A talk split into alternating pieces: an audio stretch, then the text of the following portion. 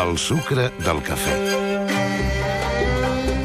El socialista Jaume Collboni ha salvat els mobles, per no dir una altra cosa, al convergent Xavier Trias per 35 cèntims.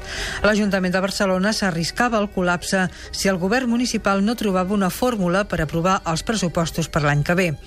Un acord amb el grup socialista li ha permès sortir del cul de sac a canvi de baixar lleugerament el preu del transport públic.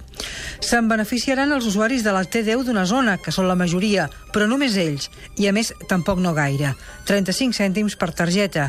Ara val 10 euros amb 30 i passarà a costar 9 euros amb 95 cèntims, més cara que l'any passat, quan en valia 9 amb 80. Comptat i debatut, si es necessiten quatre targetes T10 al mes per anar a treballar i tornar a casa, l'estalvi és d'un euro amb 40 cèntims. Poca cosa, doncs. El bitllet senzill no varia de preu, ni s'apuja ni s'abaixa, com tampoc els altres títols, com ara, per exemple, la T jove o la T més. L'acord té un cost de 20 milions d'euros, 16 i mig els pagarà l'Ajuntament i la resta 3 i mig als ajuntaments de l'àrea metropolitana.